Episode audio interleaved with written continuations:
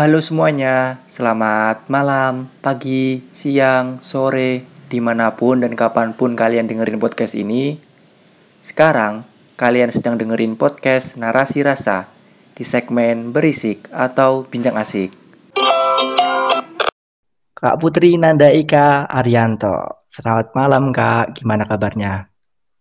Halo, selamat malam Kak Topik. Alhamdulillah kabarnya Hmm, baik, baik, baik. Harus baik lah ya.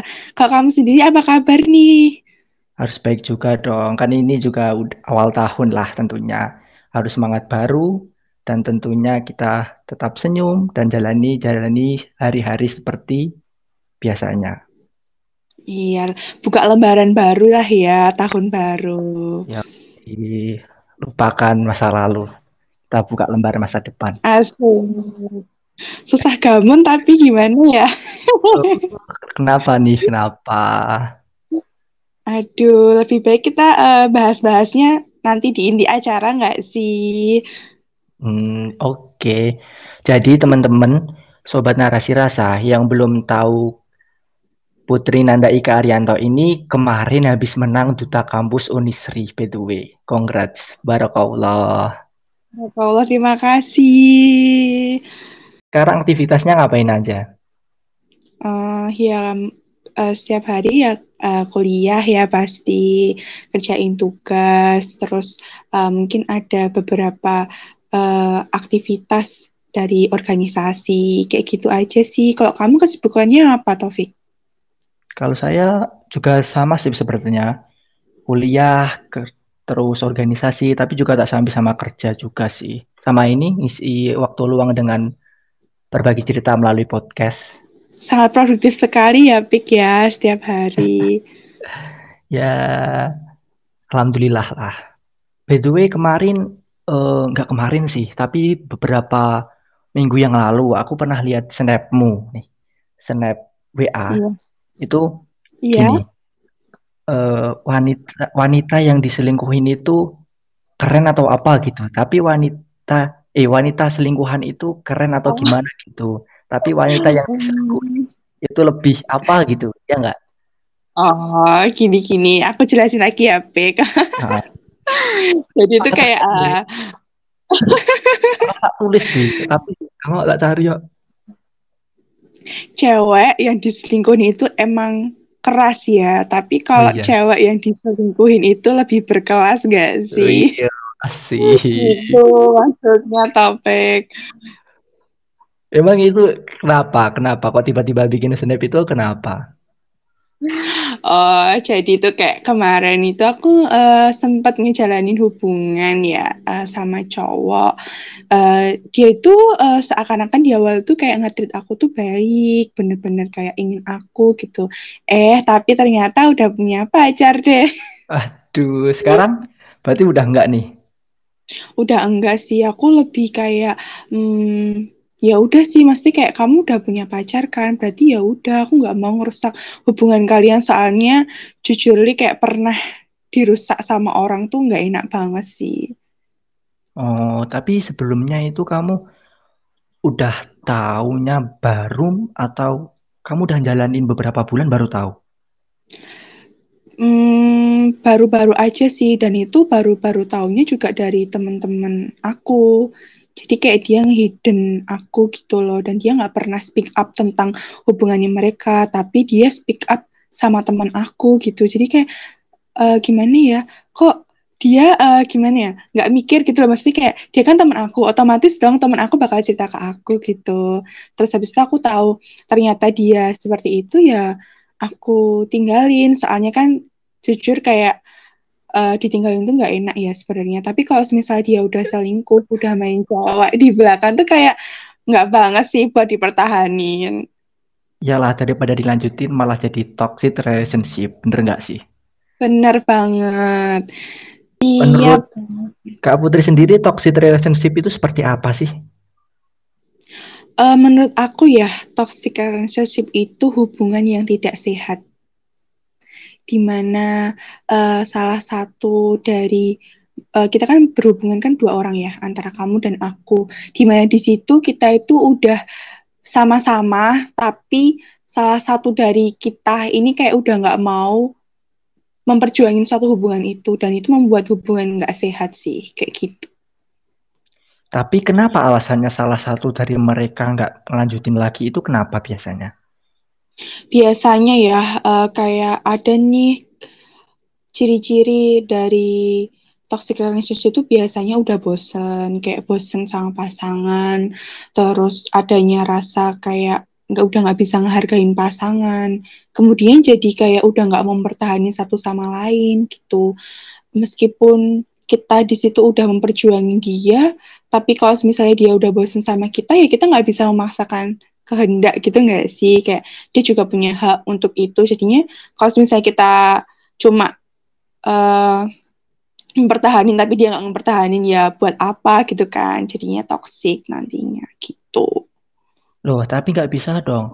Kalau kayak gitu, kenapa dari awal mereka bikin komitmen? Kalau di tengah jalan mereka berhenti, salah satunya.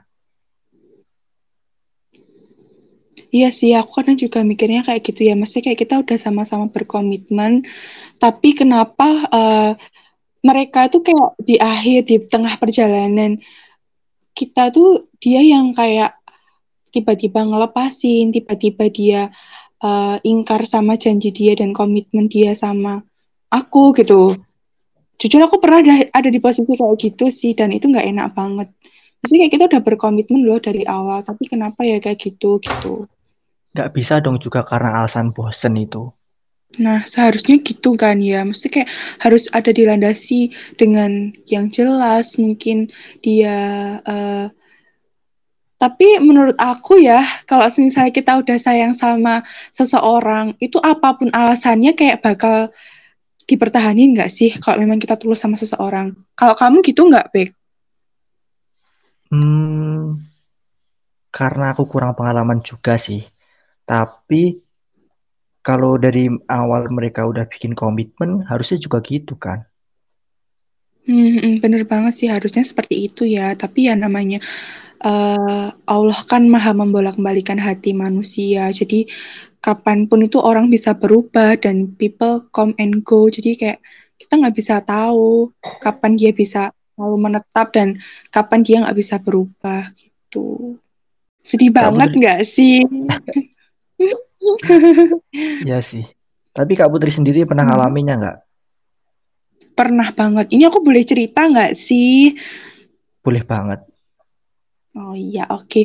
Uh, eh, for your information ya, kayak aku sebelum podcast ini tadi aku juga udah sempat buat story sih kayak uh, tentang toxic relationship dan setoksik apa sih uh, hubungan kalian kayak gitu. Dan uh, banyak nih respon dari teman-teman Putri yang mengutarakan isi hati mereka tentang pertoksikan hubungan mereka. Dan bukan melulu tentang percintaan ya tapi persahabatan juga ada Eh, menarik banget kan ya untuk dibahas di sini. Dan aku sebelumnya juga udah izin sih ke mereka kalau misalnya uh, ini nanti aku bakal mau buat podcast boleh ya kalau misalnya garis besarnya aku share ke podcast gitu. Terus dan dari mereka juga udah ngizinin sih. Oke okay, kayak aku di toxic relationship itu banyak banget ya. Jujur dari uh, aku ada di bangku SMA itu aku udah ngerasain toxic meskipun masih cinta monyet gak sih eh kalau masih SMA gitu ngejalanin suatu hubungan yang serius. Iya, kayak nggak masuk akal banget. Tapi jujur jujur kayak aku itu kalau semisal ngejalanin hubungan tuh nggak pernah main-main gitu loh. Kayak aku pasti serius sama selalu gimana caranya cowok itu nyaman sama aku dan setia tapi ya gini sih. Mungkin belum lah ya belum ketemu jodohnya. Jadi waktu SMA itu hubungan sama cowok di mana dia itu senior aku. Tapi dia itu uh, toksik banget sama aku. Toksiknya tuh dia tuh main tangan. Sedangkan bapak aku tuh dari kecil tuh nggak pernah ya namanya nyubit aku uh, nyontik aku. Meskipun itu event kita bercandaan ya tapi aku ngerasa kayak kok kamu gini ya kak? Gitu loh. Jadi aku ngerasa kayak ini nggak pantas buat aku itu sih. Bener-bener itu masih SMA masih bocil terus nangis-nangis sampai uh, pernah waktu kita di sekolah itu sampai guru-guru tuh ditegur karena kayak mata aku kan bengkak-bengkak gitu kan karena setiap hari Sumpah. nangis cengeng sih aku kalau masalah percintaan. Iya secengeng itu aku sampai ada kesiswaan yang nanya kayak Putri kamu kenapa? Kamu sakit ya? Kalau sakit udah pulang aja. Saya kan aku kan anak, anak organisasi banget ya jadi sampai guru tuh ngira mungkin aku kecapean. Padahal aku di situ kayak baru broken heart gitu loh malu banget sih.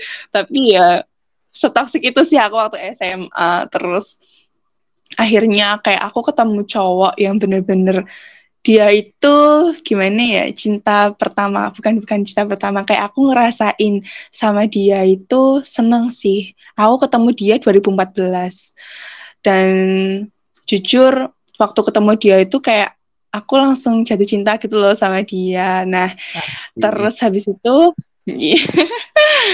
lama sih cuma aku sok jual mahal gitu dulu waktu masih bocil terus terus habis itu akhirnya setelah sama katingku yang toksik itu aku sama dia 2018 ya mulai deket kan.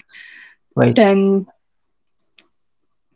uh, kalau yang sama kakak kelasmu itu toksiknya hmm? seperti apa sih? Main tangannya itu seperti apa kayak jadi kayak kita bercandaan ya. Terus habis itu dia tuh kayak tiba-tiba tuh nontik aku kayak main tangan terus kayak uh, nampar tangan aku kayak nyenggol tangan aku tuh kayak bener-bener kamu jangan gitu dong kayak gitu kayak uh, even bapak aku kalau marah aja nggak pernah kayak gitu. Tapi kenapa ya kamu uh, kayak gitu sama aku gitu loh. Mesti kayak toxic banget dan terus dia uh, selalu menang sendiri. Terus Um, maaf ya sebelumnya, tapi ini bener-bener aku bukan ngejelek-jelekin, tapi ini bener pure yang aku rasain. Gak apa ya, Pek ya, kalau misalnya aku di sini.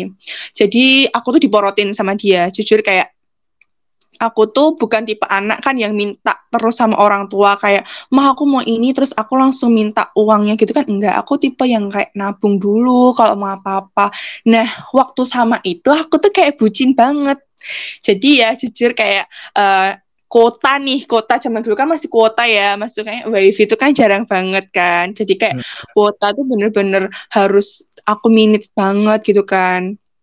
Dan di situ kayak dia tuh minta kuota ke aku sedangkan kuota yang dia pakai itu mahal. Dan aku tuh pakai kuota yang murahan gitu loh gimana caranya biar aku tuh bisa hemat. Tapi kalau aku buat cowok itu tuh kayak seberapa tuh aku kasih gitu loh sebucin itu dan membuat hubunganku toksik. Dia merotin aku dan aku nggak sadar di situ gitu. Terus ya gitu sih dia ngata-ngatain aku cewek murahan lah dengan padahal tuh kayak sepele aku ngejalanin sama dia itu sekitar setengah tahun lah. Ih, lama ya. Iya, dan kalau semisalnya aku ya sama orang itu meskipun dia toksik, tapi aku selalu mempertahankan gitu loh. Dan aku tuh kayak gini orangnya kayak oh ya udahlah nggak apa-apa. Aku suka kok sama dia. Ya udahlah nanti dia juga bakal berubah. Aku tuh mindsetnya gitu seharusnya balance nggak sih antara uh, perasaan dan logika? Seharusnya kan kita sebagai wanita tuh harus punya mindset yang seperti itu ya. Tapi uh, dulu tuh waktu aku masih bocil ya mungkin ya. jadi aku tuh pikiranku tuh kayak gitu. Jadi ya udahlah nggak apa-apa. Aku sayang kok sama dia. Kayak gitu loh toksik banget sih jujur. Harusnya kan balance tapi, antara perasaan sama logika gitu.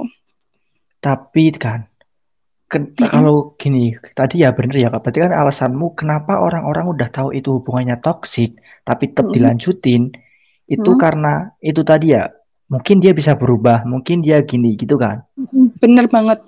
Karena pemikiran kita yang terlalu positif gitu loh. Padahal uh, dia di sana itu udah nggak peduliin kita dan udah nggak kayak mempertahankan kita gitu. Kalau misalnya aku kehilangan kamu ya udah say goodbye bye. Aku bisa dapat yang jauh lebih baik daripada kamu dan nggak ada rasa kehilangan di situ gitu. Mm-mm. Berarti kan nggak balance juga dari pemikiran kita dari hati Betul. maupun dari pikiran kan beda. Betul banget. Ada Betul juga dari teman sendiri yang cerita ke aku, dia juga hmm. mengalami toxic sendiri, toxic relationship. Hmm. Dia itu juga udah lama banget pacaran. Terus hmm. satu saat si cowoknya ini dia main belakang, dia main selingkuh sama yang lain. Ketahuan tuh sama yang ceweknya. Habis itu hmm perang besar kan mesti perang besar. Habis itu tapi mereka ini kayak udah ya udah udah tapi mereka tetap masih lanjutin gitu loh. Jadi kan toksik banget kan udah. Banget banget sih itu toksik banget sih. Oh, tapi karena itu tadi ceweknya juga udah bucin bucin banget. Mm -mm. balance juga antara pikiran sama hatinya. Tapi kalau menurutku sendiri waktu tak tanya sendiri lah kenapa kamu udah ngejalanin hubungan toksik toksik tapi tetap kamu lanjutin mm -mm. dia jawabnya nggak tahu karena gini juga. Selama mereka mengalami relationship Hmm. dia itu seolah-olah apa suatu yang dia inginkan dia dicapai sama pasangannya gitu loh. Nah, ekspektasinya sama pasangannya besar kali ya mm, tapi juga maksudnya gini juga ceweknya pengen ini yang ngemujudin si pasangannya gitu oh gitu nah kalau Iya. pandanganku sendiri itu bukan bucin itu bukan cinta tapi itu rasa ketergantungan ketergantungan di mana dia itu si cewek dulunya mendapatkan uh, perhatian seolah-olah dia ratu, dia mau apa dikasih, dia mau pergi ke suatu tempat yang mau wujudin pertama kali dia. Jadi waktu udah tahu itu toksik, dia tidak mau ngelepas gitu loh, paham nggak? Paham banget sih, dan aku pernah juga dia ada di posisi kayak gitu. Pernah juga? Dan pernah, kayak uh, aku lanjut ya, uh, yang hmm. 2014 tadi aku ketemu kenal dia waktu awal pertama kali ketemu nah itu cowok yang yang sama ceritanya kayak apa yang kamu ceritain tadi. Jadi aku tahu dia nyelingkuhin aku dan aku masih memaafkan dia. Uh, bukan karena ketergantungan sih, kalau aku lebih karena aku bener-bener sayang dan setulus itu sama dia. Meskipun dia udah nyelingkuhin aku, tapi aku masih memaafkan dia gitu loh. Meskipun aku tahu gitu kalau misalnya dia aja nggak ngerasa bersalah. Maksudnya kayak dia ya udah aku karena gini karena kilaf. Cuma gitu doang dong pek. Dan di situ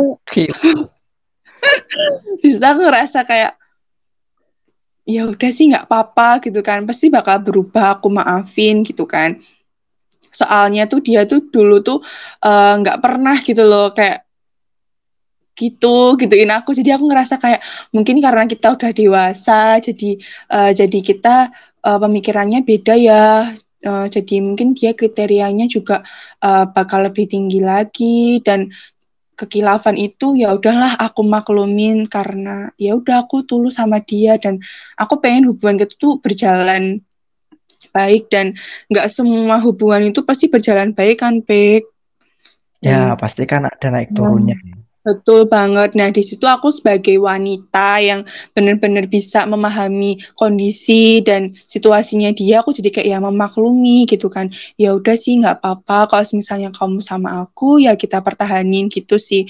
Sebutin itu sih aku sama sama cowok dan endingnya aku uh. ditinggalin lagi.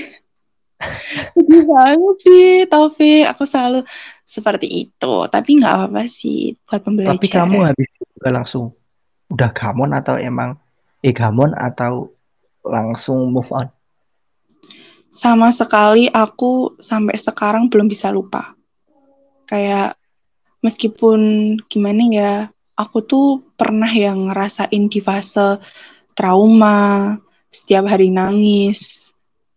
Terus ada di suatu hari aku kayak uh, ngelukain diri aku bukan melukai sampai membuat luka di tubuhku tuh enggak. Kayak ngelukain aku, diri aku tuh kayak nggak makan terus habis itu potong rambut. Jujur aku tuh punya kayak ketergantungan kok setiap patah hati ataupun setiap lagi ada masalah percintaan pasti potong rambut. Nggak tahu kenapa sih itu. Aku juga masih bingung gitu loh sama diri aku sendiri kenapa ya setiap aku patah hati pasti kayak langsung potong rambut gitu pek. Beneran. Dan sampai sekarang pun aku masih belum bisa menerima kenyataan ya. Jadi uh, hubunganku itu benar-benar hancur itu 2021 dan di situ aku benar-benar dihantam habis-habisan di tahun itu. Tapi tahun kemarin dong. Iya, baru ke tahun kemarin dan uh, di tahun itu tuh kayak aku ngerasa hancur banget. Bener-bener aku nggak tahu aku harus gimana. Padahal aku udah percaya sama dia, aku udah percaya dan yakin bahwa dia bakal jadi pasangan aku kelak dan aku udah nerima sikap dia yang udah nyakitin aku dan sebagainya. Jujur meskipun dia udah nyelingkuhin aku dan nyakitin aku pun, aku masih baik sama dia Taufik dan aku nggak pernah uh, berbicara kasar sama dia gitu. Sampai saat ini pun dia udah punya pasangan, udah ganti-ganti pasangan, sedangkan aku di situ masih kayak yang trauma, masih yang nangis-nangis setiap hari kayak gitu. Sedih banget sih, tapi ya namanya sayang ya nggak bisa kalau udah kalau udah sayang emang bodoh ya kayaknya. Iya lebih tepatnya bodoh sih uh, bener banget. Kayak sampai teman-teman aku di sekeliling aku tuh kayak ngerasa udah lapu dia aja udah sama cewek lain dia aja udah punya cewek gitu kan kenapa kau masih sama dia kenapa kau masih stuck sama dia kayak gitu ya karena aku sayang gitu ya begitulah sampai sekarang pun aku masih merasa belum bisa menerima kenyataan tapi hidup harus tetap berjalan nggak sih Taufik? Mm bener banget. Tapi kalau menurutku itu juga ketergantungan sih sebenarnya. Iya sih, karena mungkin karena aku udah lama kali ya sama dia. Oh, oh jadi sih ini kata cinta Laura nih, kata cinta Laura itu ya hampir sama. Jadi yang diberikan itu bukan yang kamu tinggalin itu bukan rasa sayang, itu bukan. Ya tadi kembali ketergantunganmu ketika kamu masih sama dia itu kayak emang-emang kamu dipuja kayak ratu terus kan kamu udah lama juga sama dia ya, di bener. suatu saat kamu disakiti toxic relationship kamu belum bisa lupain dengan gampangnya gitu Bener banget sih, bener. Ya mungkin karena belum menemukan seseorang yang tepat gitu ya, yang hmm, kayak lebih dari dia itu belum. Dan aku tahu semua orang tuh pasti punya kekurangan dan kelebihan. Tapi boleh dong kalau kita uh, sebagai wanita punya kriteria untuk pasangan ya kan? Ya harusnya Kamu gitu dong. punya kan uh, kayak kriteria untuk pasanganmu Pek bener banget ya kan? dong pasti. Ya bener banget itu juga sama cowok yang kamu kenal 2014 tadi. Iya, benar banget. Sesayang itu aku sama dia. mungkin kalau dia dengerin ini, mungkin dia mikirnya kayak, apa sih, Put? Ah. Gitu loh. Setelah itu kamu, sih aku sama dia. Saat. Kamu tahunya kalau dia main belakang, tahunya gimana? Feeling cewek itu kuat banget ya. Jadi jujur uh, dia itu kayak nutupin kinan. segalanya. Kayak dia ngetrit aku baik. Iya, kinan banget. Dan ceweknya sih uh, Lydia banget sih, tapi lebih parah daripada Lydia. Kamu soalnya dia tapi... udah tahu udah punya cowok gitu. Gimana? Kamu kenal juga? Enggak. Oh, tak kira kenal. Aku nggak kenal sama dia.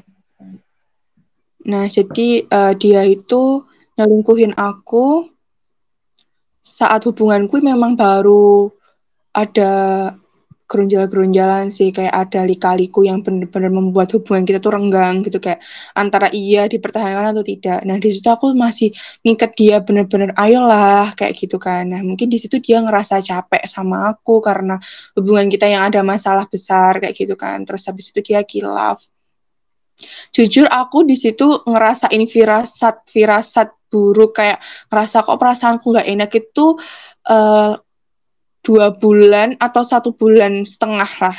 Jadi aku selalu gimana ya dihantui perasaan-perasaan negatif kayak tiba-tiba nangis, kayak ada perasaan yang ganjel, kayak gitu. Pernah nggak sih, Pe, kamu ngerasain kayak gitu, tiba-tiba kayak nggak enak banget perasaannya, kayak gitu?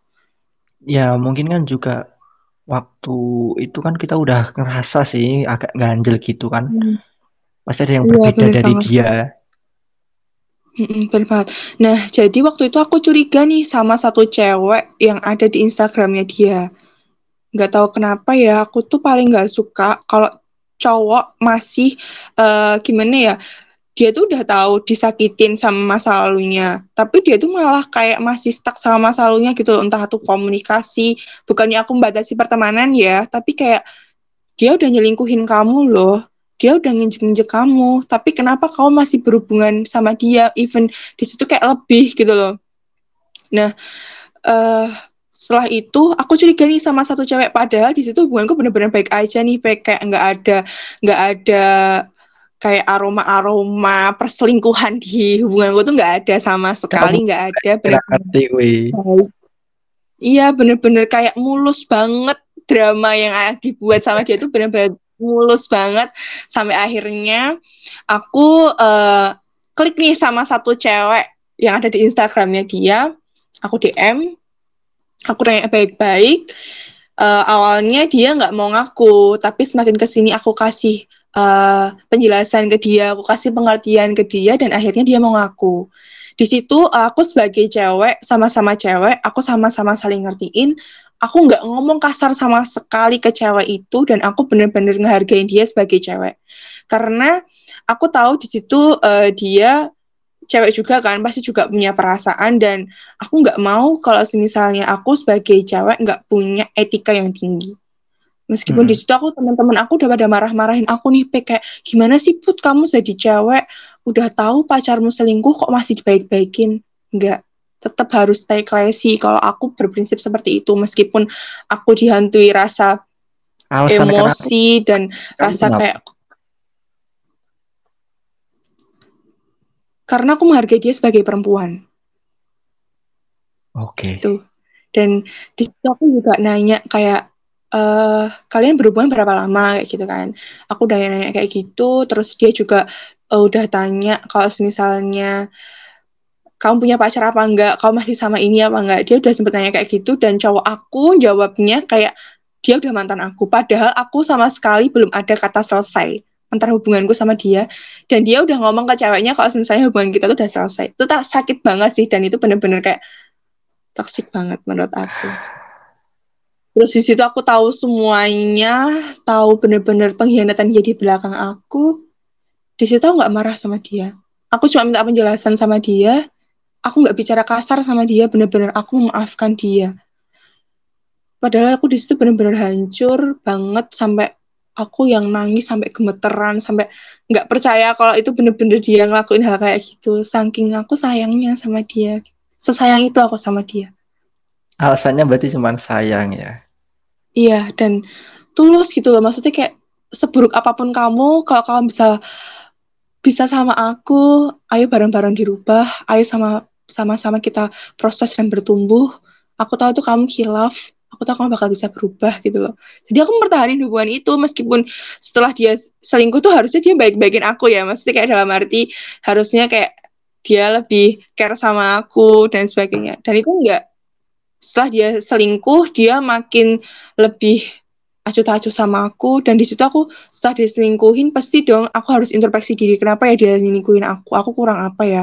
Aku harus introspeksi diri sih kayak gitu.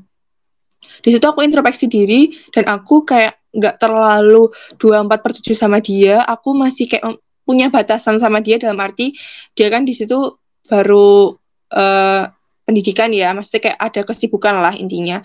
Jadi nggak selamanya dia megang HP dan nggak bisa kita komunikasi terus. Dan di situ aku nggak nggak menuntut dia untuk mengabari aku gitu. Jadi aku membatas-batasi hal seperti itu dan dia juga ngerasa kayak ya udah selesai nggak ada uh, masalah apa pun. Akhirnya di suatu momen dia udah ngerasa nggak bisa sama aku lagi. Ya udah akhirnya aku dilepas sama dia. Padahal di situ aku mertahanin dia itu bukan main-main, bukan main-main lagi kayak bener-bener aku mertahanin dia tuh aku harus ngelawan rasa emosiku, aku harus ngelawan rasa deritaku yang di mana aku nangis setiap hari, di mana aku yang eating disorder, kayak gitulah. Bener-bener rasa depresi itu mulai bermunculan, mental health sampai bener-bener hancur banget. Toxic ya, banget sih. Bener, tapi gini sih, tapi kenapa orang-orang itu kalau dia udah tahu itu toxic relationship, itu tetap dilanjutin. Padahal kalau mereka tetap lanjutin, itu resikonya tadi emang kesehatan mentalnya pasti terganggu kan. Bener banget. Dan jujur uh, kita uh, ke cerita teman-teman ini ya, nyambung ke cerita teman-teman aku tuh juga ada nih teman aku yang kayak di selingkuhin juga, terus ditampar, bener-bener dimainin tangan. Terus ada juga yang cuma jadi uh, buat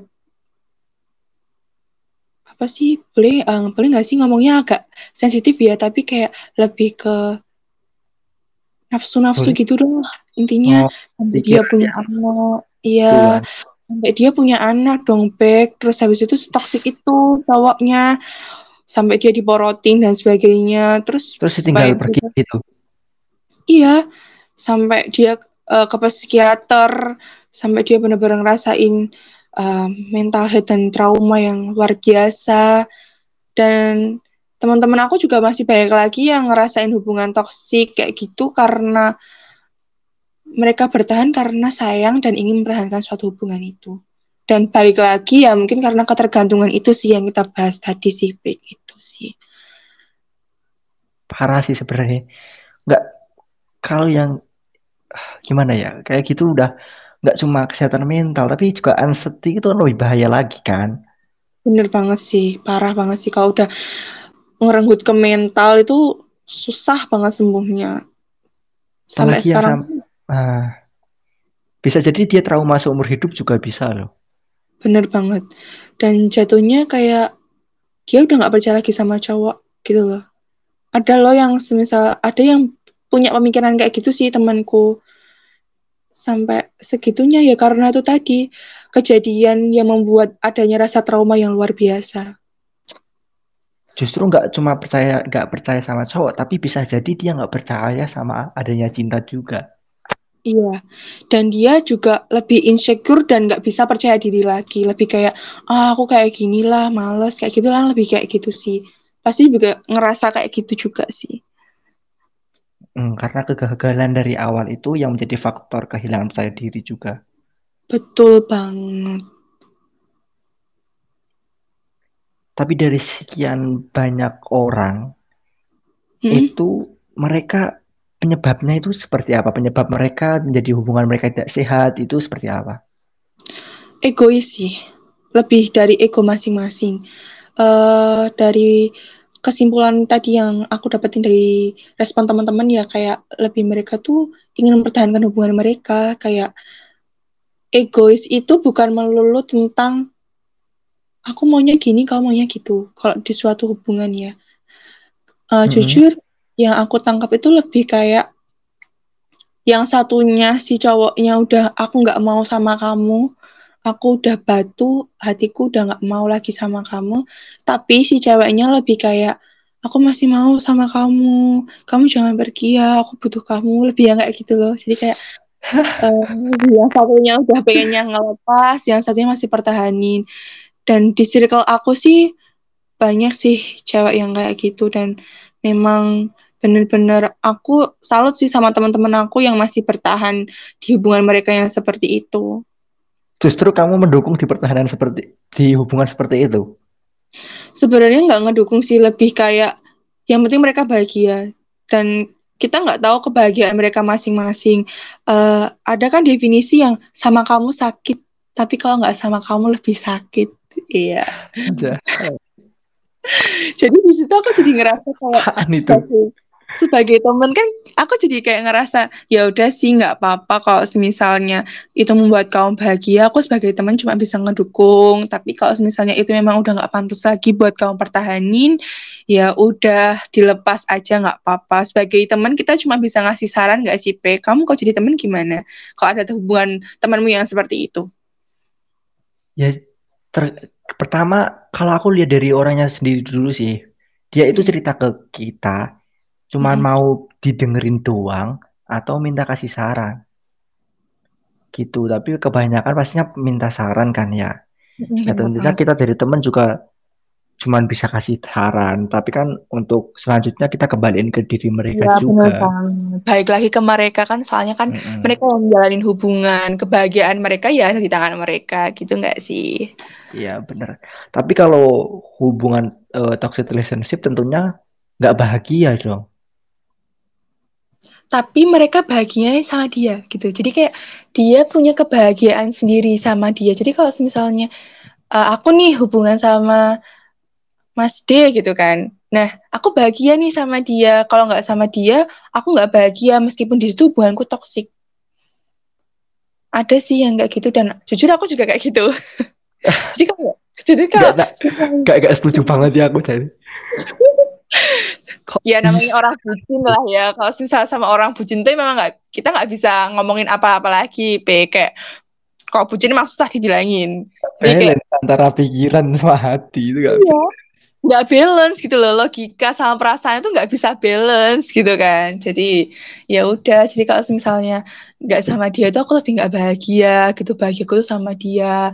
Uh, cuma kita mungkin komunikasi baik itu aja udah bikin kita bahagia gitu loh ada loh yang kayak gitu dan aku sendiri juga kayak gitu jujur meskipun hubungannya toksik bener banget meskipun hubungannya toksik Berarti menurutmu penyebabnya mereka menjala, penyebab hubungan mereka toksik itu karena egois ya. Eh, tapi egois yang dimaksud yang tadi di mana ya. salah satunya udah pengen udahlah hubungan kita tapi yang satunya masih nahan untuk pertahanin hubungan. Bener banget. Jadi enggak uh, hubungan toksik itu bukan melulu tentang ego egois masing-masing karena sikap yang tidak bisa dirubah dan sikap membuat mereka saling menyakiti itu enggak sih sebenarnya. Tapi lebih ya itu tadi, yang satunya udah mengelepas, yang satunya masih kayak mempertahankan gitu. Tapi ada juga katanya or katanya temenku juga sih gini. Hmm. Kalau suatu hubungan itu antara pasangan itu mereka itu jalani karena adanya ekspektasi antara dua itu untuk mencapai sebuah tujuan. Iya, bisa jadi sih. Mungkin karena dia berekspektasi dia kayak pasangan terakhir gitu kayak aku pengen sama dia sampai halal gitu kan. Biasanya dia oh. berekspektasi tinggi kayak gitu sih. Nah, jadi karena balik lagi kalau misalnya kita menaruh ekspektasi yang tinggi sama pasangan kita, ya itu tadi. Kalau dia berubah tiba-tiba ya endingnya jadi toxic, endingnya jadi kayak kita nggak jadi percaya lagi sama pasangan kita dan ya gitulah intinya. Jadinya lah toksik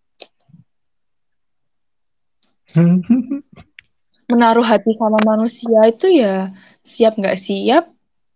Ya harus siap. Maksudnya siap dalam arti kamu siap jatuh cinta ya kamu harus siap terluka gitu kayak dalam arti ya kalau kamu nggak mau sakit hati ya jangan jatuh cinta gitu langsung nikah Iya, bener iya. banget. Langsung nggak sih satset nggak sih? Oh, iya. Langsung jalur halal.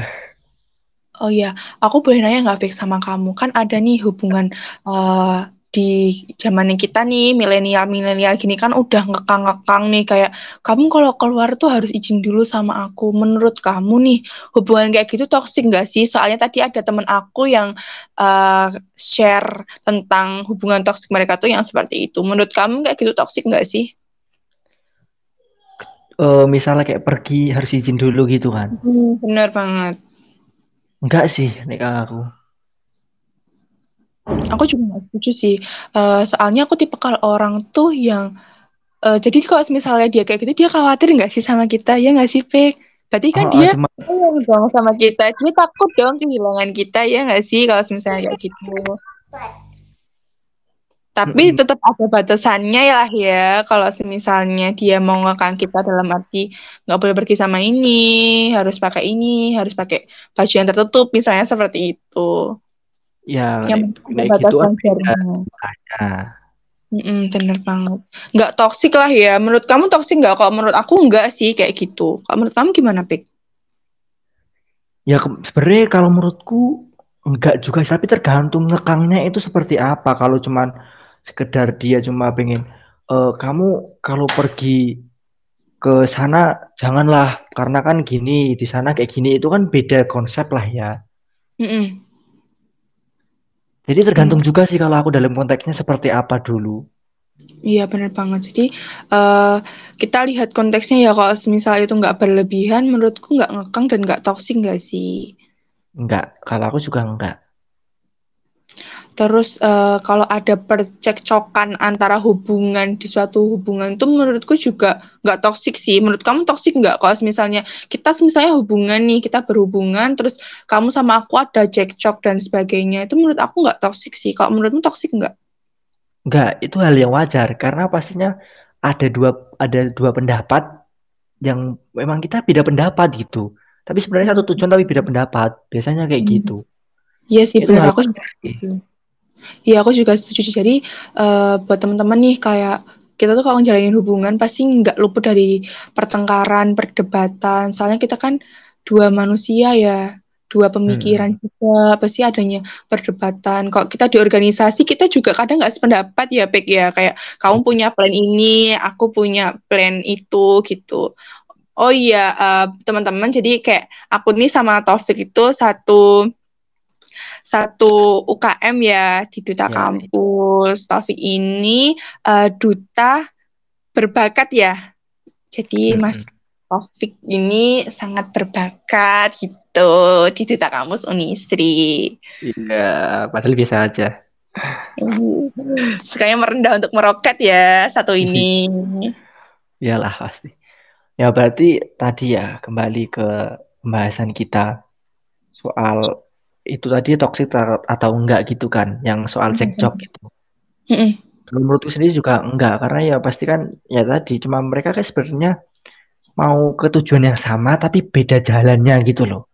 Iya bener banget, bener banget.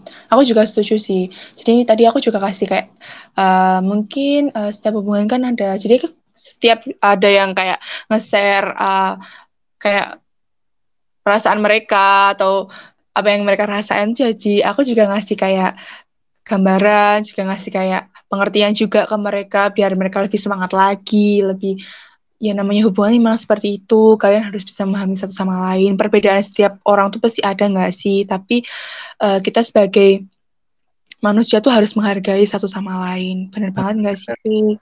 Menghargai pasangan itu penting banget di suatu hubungan. Kejujuran kesetiaan itu sangatlah penting di suatu hubungan. Jadi kayak benar banget. kalau misalnya kita berhubungan, kita membuat hubungan dari uh, dengan orang itu kak nggak dilandasi dengan kesetiaan, nggak dilandasi dengan kejujuran, nggak dilandasi dengan nah itu kayak nggak bisa banget sih. Entah itu persahabatan atau percintaan itu butuh banget yang namanya setia. Dan ada juga loh toxic dari pertemanan gitu yang tadi. Ada juga sih yang respon uh, aku toksik sama temen aku. Ternyata temen aku tuh bikin aku kecewa. Yang aku ceritain tadi itu bener-bener oh kok bisa gitu sih? Terus dia juga nyeritain kalau misalnya dia udah uh, menaruh kepercayaan ke temennya. Ternyata temannya tuh kayak ngehancurin, masih kayak ngeingkarin dari kepercayaannya itu membuat ya jadi trauma, jadi kayak nggak percaya lagi sama sahabatnya gitu. Jadi pertemanan mereka toksik gitu. Ya, itu juga ada di podcastku sebelum ini. Itu juga aku udah hmm? membahas soal toksik persahabatan. Jadi mereka udah naruh kepercayaan satu sama lain, eh tiba-tiba salah satunya berkhianat. Itu menjadi trauma. Ya. Uh -uh. Itu bagi teman-teman yang ingin dengerin soal toksik persahabatan itu bisa dengerin di podcast sebelumnya. Nah, benar banget. Jadi banyak banget ya di sini yang udah dibahas uh, kamu ya, Pek ya. Maksudnya kayak entah dari toxic relationship, terus kayak toxic persahabatan tadi. Banyak banget edukasi. Mungkin kayak teman-teman yang pengen uh, tahu kayak gimana sih uh, toxic relationship. Nah, bisa dengerin dari podcast kita ya. Tapi ya, iya bener banget. Terus aku mau nanya nih, aku mau nanya. Boleh? Uh, kalau menurutmu di suatu hubungan, terus tiba-tiba hmm. salah satunya hilang, terus ketika dia tiba-tiba kembali lagi, dia pergi dengan alasan karena aku ingin uh, mengejar sebuah cita-cita untuk kita nantinya gitu. Hmm. Itu menurutmu toksik gak? Toksik. Kenapa? Gini ya, kalau misalnya uh, kenapa nggak sama-sama gitu? Kan, Karena kan beda bisa. jalan. Karena beda. Karena misal gini, misal si cowoknya dia lagi buka usaha bisnis nih, si mm -hmm. ceweknya beda beda apa beda usaha sendiri gitu maksudnya beda jalan untuk mencapai tujuan itu tapi itu di ending kan mereka buat kebahagiaan mereka tapi dengan berjalannya waktu dia salah satunya menghilang dulu gitu. Balik lagi sih komitmen mereka seperti apa. Kalau memang memang cowoknya itu nggak tiba-tiba ngilang gitu aja itu nggak toksik uh, gitu kan. Jadi uh, aku lurusin ya. Masih kayak dalam arti kalau misalnya cowoknya itu memang aku mau fokus dulu ya, aku mau fokus ke karirku dulu, semisal. Mm -hmm. uh, nanti kita kembali lagi kalau semisal kita udah benar-benar di versi terbaik kita, kita udah sama-sama sukses. Nah itu kan udah ada pembicaraan nih di awal, jadinya nggak toksik. Tapi kalau digantung, terus tiba-tiba cowoknya cuma ngilang gitu aja, terus dia nggak ngasih uh, kabar, nggak ngasih pengertian ke kita, ya itu toksik. Soalnya nanti jadinya kita menaruh harapan ke dia, ternyata dia udah nggak naruh harapan ke kita kan, beda lagi nih konteksnya gitu. Nah kalau konteksnya kayak gitu, mending dilanjutin nggak? Tergantung sih kalau semisal aku ya kalau semisal aku pribadi kalau semisal cowoknya itu masih uh, ada itikat baik sama aku masih kayak ada kejelasan di awal sebelum dia pergi untuk melanjutkan karirnya dia atau usaha dia atas cita-cita dia aku memaklumi sih. Aku juga di sini kayak um, improve sama diri aku aku explore pengalaman dan sebagainya. Jadi kayak kita udah ketemu di atas titik titik terbaik udah sama-sama sukses ya? itu menurutku malah lebih lebih baik nggak sih daripada kita mempertahanin tapi nanti masih nggak fokus. Tapi balik lagi sih ada juga yang pengen nemenin dia berproses kayak tumbuh bareng-bareng uh, bisa berproses sama pasangan itu kayak melihatnya tuh kayak enak banget nggak sih? Bisa seneng nggak sih P kalau misalnya kita punya pacar atau kita punya teman yang benar-benar deket terus kita bisa berproses bareng kita bisa sukses bareng dengan kita melalui hal-hal yang benar-benar terjungkal gini-gini gini kayak gitu kayak senang banget ngerasain kayak gitu sih sebenarnya. Tapi ya baik lagi orang beda-beda ya orang punya tujuan beda-beda dan cara mereka beda-beda gitu. Didukung aja kalau memang dia masih punya etikat baik kok aku gitu sih Berarti kalau kalau menurutku sendiri sih gini, kalau hmm. emang ya benar tadi tadi kalau punya etikat baik, mending ketika hmm. mereka berjuang, ya udah mereka udah berhenti dulu, karena dia mengejar cita-citanya masing-masing dulu gitu. Tapi kalau emang benar-benar serius, pada akhirnya pasti akan kembali kan. Bener banget, karena kalau sejauh apa pun kita pergi, sejauh apa pun kita dijauhkan, kalau memang kita ditakdirkan pasti kembali lagi, ya enggak? Ya, sejauh apa pun itu ya kan. Iya bener banget, bener banget. Kalau kamu pernah nggak sih, Pik, uh, ngerasain toxic relationship gitu? Nggak sih, karena aku karena aku sendiri hampir gak gimana ya. Aku soalnya orangnya ya kalau SMP kita suka sama orang biasa lah ya, wajar kan ya. Ya, cinta monyet lah ya. Ya, ya tapi cuma sekedar suka-sukaan aja. Nah, gitu. Tapi waktu seiring berjalannya waktu, aku lihat hmm? juga dari teman-temanku yang mereka pacaran, kemudian dia cerita ke aku hubungan mereka hmm. yang sampai toksik kayak gitu. Itu menurutku juga pembelajaran dari buat aku sendiri gitu. Terus aku juga mikir, ini hmm. kalau pendapatku sendiri ya, kalau kan pikiran orang berbeda-beda pastinya. Hmm. Kalau aku dari yeah. sendiri, aku mikir udah kayak gini. Buat apa sih pacaran? Karena kita nanti udah ada waktunya gitu. Nanti waktu kita udah dewasa, kita ada waktunya untuk rasain hal itu. Kenapa kita sekarang nyoba kayak gitu? Benefitnya apa? Sakit hati iya. Benar. Terkengkang benar. kadang juga iya. Apa hmm. yang kita dapatin? Bisa jadi malah toksik kayak gitu. Jadi aku kadang iya. mikir udah karena pengalaman dari teman-teman itu buatku jadi oh gak dulu lah untuk pacaran. Tapi kalau kita suka itu kan hal yang wajar manusiawi. Tapi ya, kalau untuk banget. untuk menjalin hubungan, kalau aku sendiri juga nanam mendalim prinsipku sendiri untuk saat ini nggak dululah belum belum waktunya aku ngelakuin itu. Nanti pada masanya ada gitu. Benar, benar, benar. Setuju sih Taufik, uh, mending kita sekarang fokus ya sama karir kita, sama apa yang kita baru hmm. sibukin, apa yang kita baru tata untuk ke depannya. Jujur aku juga sekarang ada di fase kalau misalnya uh, aku disuruh milih, aku lebih kayak ya udah gini aja dulu sih gitu. Soalnya uh, masih ya itu tadi kayak trauma sama cowok, maksudnya kayak ntar dia cuma ghosting, ntar dia cuma cuma gini cuma penasaran doang terus habis itu pergi kayak gitu. Dan ternyata ya aku menemukan itu di beberapa cowok gitu. Dan yang ngedeketin aku cuma ya cuma penasaran aja gitu. Masih ada trauma-trauma dari masa lalu juga yang buat aku kayak yaudah sih mending sekarang kita fokus karir fokus sama diri aku sendiri. Aku explore banyak wawasan yang luas yang bikin aku lebih berkembang jauh lebih baik daripada sebelumnya dan benar kata kamu sih, udah ada waktunya untuk kita punya pasangan, untuk kita ngerasain hal-hal yang benar-benar, oh ini ya rasanya punya pasangan yang sehat. Nah. Oh ini ya punya pasangan yang benar-benar bisa ngehargain kita. Aku percaya sih akan hal itu dan meskipun sekarang belum menemukan ya mungkin karena belum saatnya jadi aku ya udah nggak apa-apa gitu meskipun berat harus dijalanin. Kan hidup terus berjalan ya nggak? Gitu. Ya harus tetap maju gitu kan. Betul banget. Nah ya bener banget. Dari mungkin juga dari pembelajaran yang pernah kamu alamin dulu itu membuat kamu jadi putri yang sekarang gitu yang punya iya. pikiran itu tadi gitu.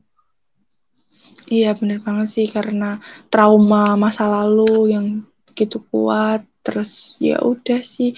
Uh, tapi kalau misalnya ada cowok yang baik ya aku bakal respon dia baik. Tapi kalau misalnya dia memang nggak ada niatan baik ya udah aku anggap teman biasa aja nggak usah terlalu uh, dalam gitu. Tapi kalau ada yang tiket baik tiba-tiba ada orang yang cowok nembak kamu gimana kamu? Dalam waktu sekarang lah. Dalam waktu sekarang? Hmm. uh, aku itu dulu sih kayak kasih waktu dia dulu. Maksudnya kayak aku mau minta waktu ke dia dulu sih dalam arti bukan minta waktu buat mikir jawaban tuh enggak. Aku lebih kayak dia orangnya kayak gimana dulu? Kalau misalnya dia memang kayak cuma main-main dan uh, mempertahanin aku cuma di awal doang kayak cuma kepo-kepo di awal aku di awal doang kayaknya enggak dulu deh. Maksudnya kayak sekarang itu aku tuh butuh pasangan itu yang benar-benar bisa kita sama-sama berproses bareng, kita bisa sama-sama tumbuh bareng, benar-benar kita berhubungan yang sehat dan nggak toksik.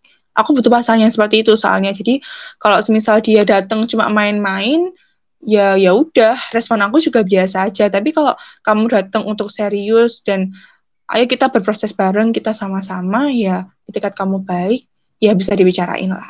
Gitu. Tapi Wah. untuk jatuh cinta lagi susah ya, masih ha, saat baik, jujur, masih susah.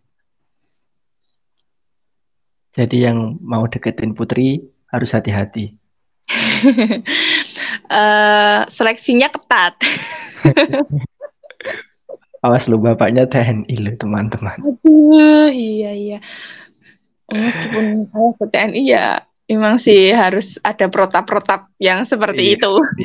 Ada kriteria tertentu. Iya, ada kriteria tertentu tapi nggak harus sama seperti uh, bapakku yang seperti itu sih kalau misalnya hanya menginginkan pangkat dan seragam kekuat kekuatan dan kekuasaannya dia kalau dia nggak bisa ngehargain cewek dan nggak cukup sama satu cewek buat apa gitu loh. Hmm. ya nggak dulu deh kalau gitu. Banyak terjadi soalnya di circle aku yang seperti itu. Jadi kayak nggak dulu deh. Berubah pikiran Iya, maksudnya kayak kalau misalnya dia memang uh, dari kalangan yang seperti itu, kalau misalnya dia baik, ya aku bakal ngeresponnya baik gitu. Nggak semua yang seperti itu dalam arti dia berseragam terus dia jahat ya, dia buaya dan sebagainya, dia nggak bisa cukup sama satu wanita gitu kan, enggak. Ya baik lagi lah, gimana dia responnya ke kita, di mana dia itikat baiknya ke kita gitu. Terus nih aku mau tanya yang terakhir nih. Iya, boleh. uh, menurutmu fak, uh, fakta atau fake sih kalau orang yang pacaran itu bisa langgeng sampai pernikahan? Fakta. Kenapa? Tergantung ya, tapi dalam aku memfaktakan itu soalnya memang ada beberapa uh, yang pernah aku lihat dan aku amati itu mereka hubungannya itu lama. Dari mereka pacaran dari mereka yang nggak bisa apa-apa sampai mereka bisa menikah gitu. Baik lagi tergantung pasangan dari masing-masing. Kok memang kalian niatnya ke arah yang ke sana memang ke arah yang serius dan benar-benar bisa menerima kekurangan pasangan kalian masing-masing bisa menghargai uh, pasangan mereka masing-masing, insya Allah bisa ke arah yang sana. Oke, menarik aku juga. Itu Ya, berarti kan juga kembali ke itikat dari awal gitu juga kan? Ya, komitmen dari awalnya seperti apa gitu. Kalau menurut kamu fake atau fakta? Kebanyakan sih fakta. Karena banyak juga yang emang mereka pacaran bisa langgeng sampai pernikahan. Karena aku punya dua, dua kakak ya, cewek semua ini. Hmm. Yang hmm. satu dia pacaran sampai hmm. pernikahan. Yang satu dijodohin. Jadi ada dua perbedaan juga di keluargaku. Menurut ya. kamu uh, kakakmu yang dijodohin sama yang pacaran dari awal tuh lebih bahagia yang mana? bahagia bagi orang tuh masing-masing ya. Cuma menurut kamu tuh uh, cara mereka uh, eh, melakukan uh, eh, gimana ya kayak menjalani hari-hari mereka gitu kan. Mungkin kalau di awal masih ada canggung-canggungnya lah ya kalau dijodohin gitu. Ya, kayaknya tapi kayaknya lebih langgeng yang dijodohin sih. Oh gitu. Karena ada banyak yang mereka belum tahu gitu. Tiba-tiba mereka menikah, terus mereka baru mengenal satu sama lain. Hmm, gitu ya. Beda kalau orang yang udah sampai pacaran sampai nikah, itu kan udah banyak hal yang udah mereka tahu, udah banyak yang mereka jalani. Hmm. Tapi ada juga yang karena hal itu mereka jadi sama-sama lebih kuat.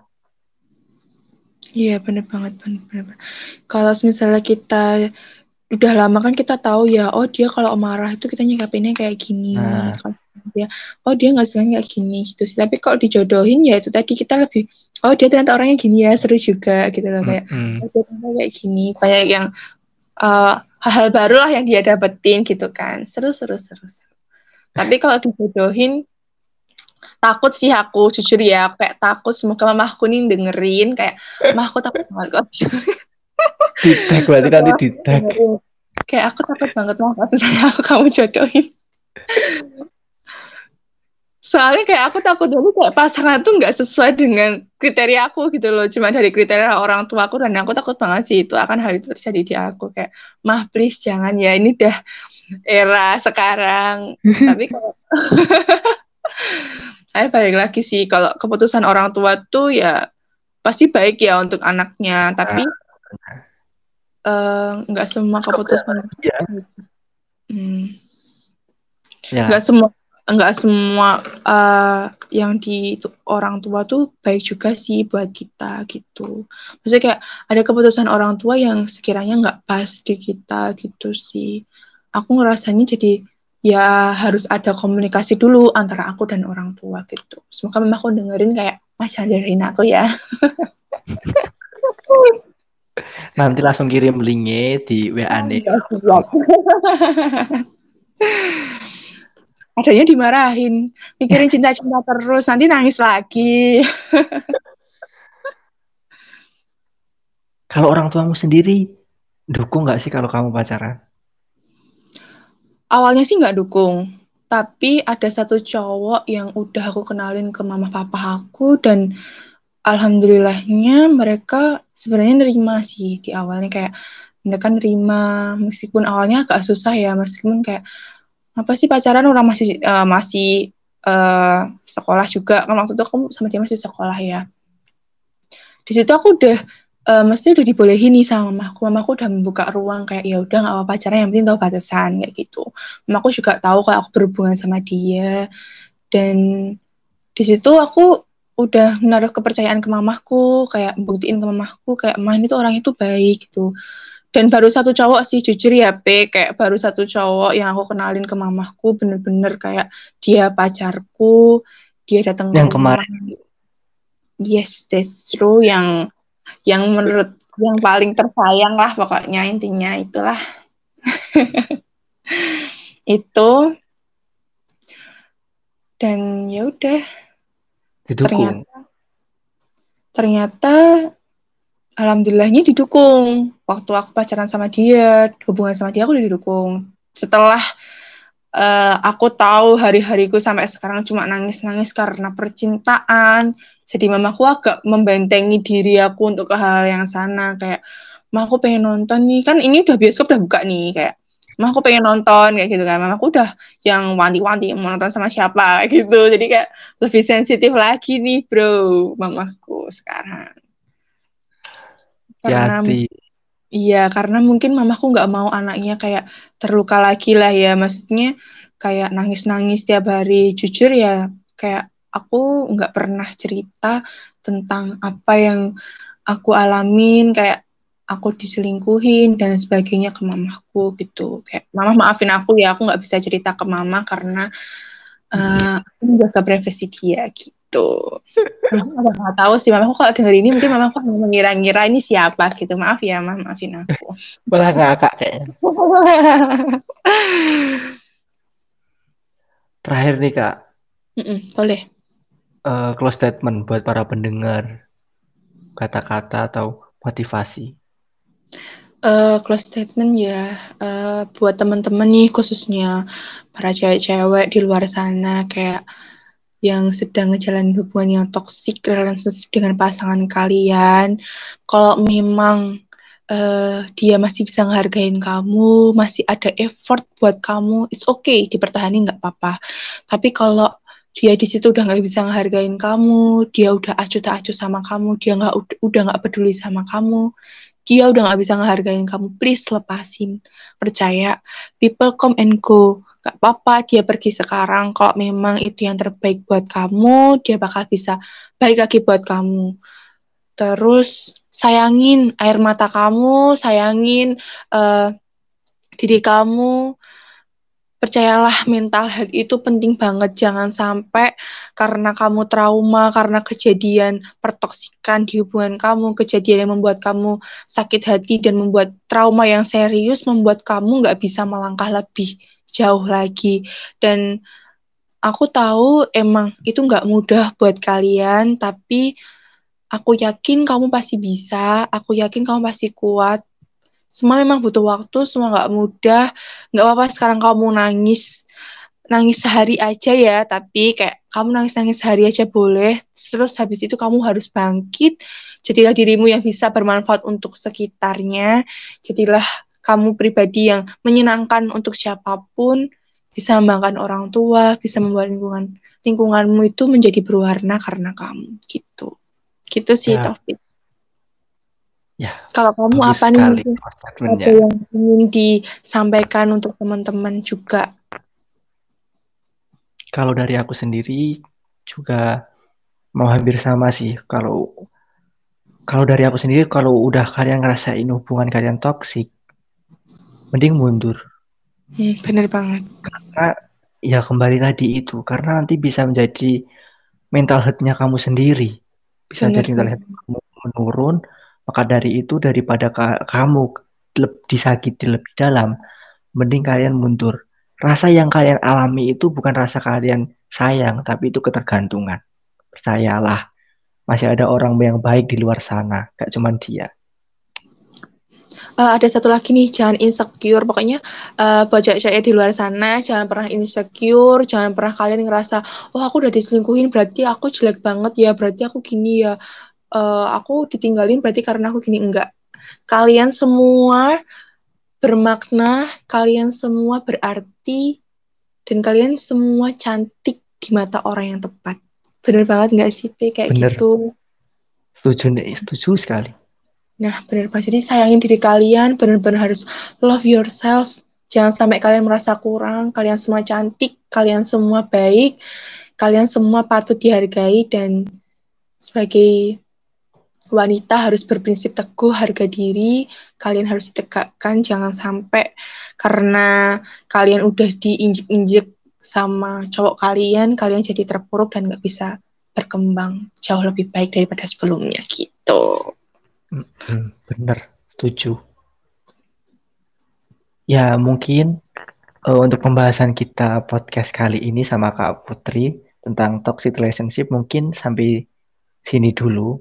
Bagi teman-teman yang ingin bercerita atau ingin meminta saran atau pendapat ke Kak Putri atau ke saya sendiri, nanti kita cantumin juga IG-nya Kak Putri jadi kalian yang ingin meminta saran dari Kak Putri bisa langsung chat sendiri ya.